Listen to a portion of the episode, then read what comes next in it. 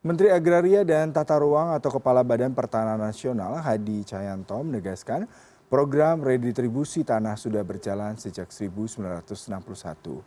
Pernyataan tersebut merupakan tanggapan Hadi atas keterangan calon wakil presiden nomor urut 3 Mahfud yang menyebut bahwa belum ada satupun sertifikat untuk redistribusi tanah yang disampaikan dalam debat cawapres pada 21 Januari lalu. Menurut Hadi, faktanya redistribusi tanah sudah dilaksanakan sejak 1961 setelah Undang-Undang Pokok Agraria keluar.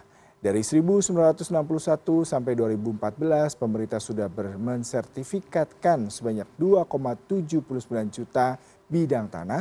Dilanjutkan Jokowi dari 2015 hingga 2023 sudah sertifikatkan 2,96 juta bidang dalam waktu 8 tahun. Sehingga setiap tahun pemerintah keluarkan 424 ribu bidang sertifikat.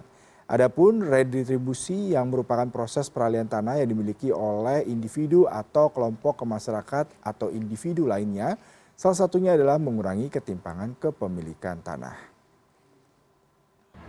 Ini jauh lebih bagus ya, karena memang sistemnya sudah bagus dibandingkan tahun 2000, eh, 1961 sampai 2014 yang 53 tahun itu keluar hanya 2,79 juta bidang dan mulai 2015 sampai 2023 2,79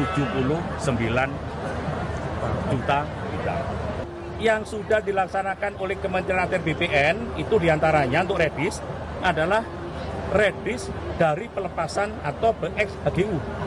Ex HGU saja dari targetnya 400 ribu hektar itu sudah kita laksanakan sebanyak 1,4 juta bidang. Kita serahkan. Melebihi target.